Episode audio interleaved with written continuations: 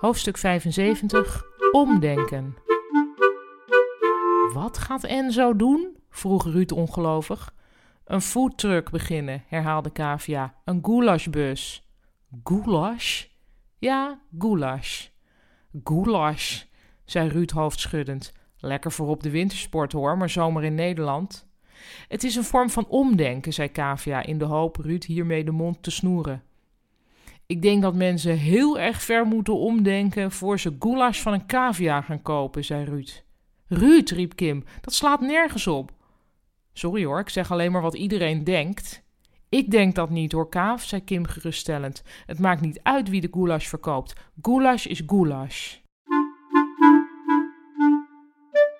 Hoofdstuk 76 Camper Enzo was weg. Er was nauwelijks bereik in Hongarije en ook de wifi was dun gezaaid. Kavia had een sms van Enzo gekregen dat hij veilig was geland en ook een sms dat hij meteen de bush in zou gaan. Waar woont Josje eigenlijk? had Kavia de ochtend van zijn vertrek nog gevraagd.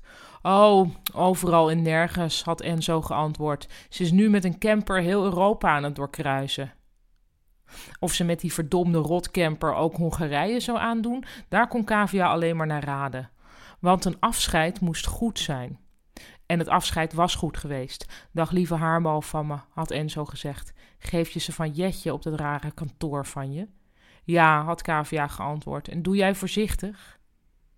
En nu zat Kavia weer op kantoor. Ze begon aan een tekstje voor de website en overlegde zachtjes met Kim over de mailing.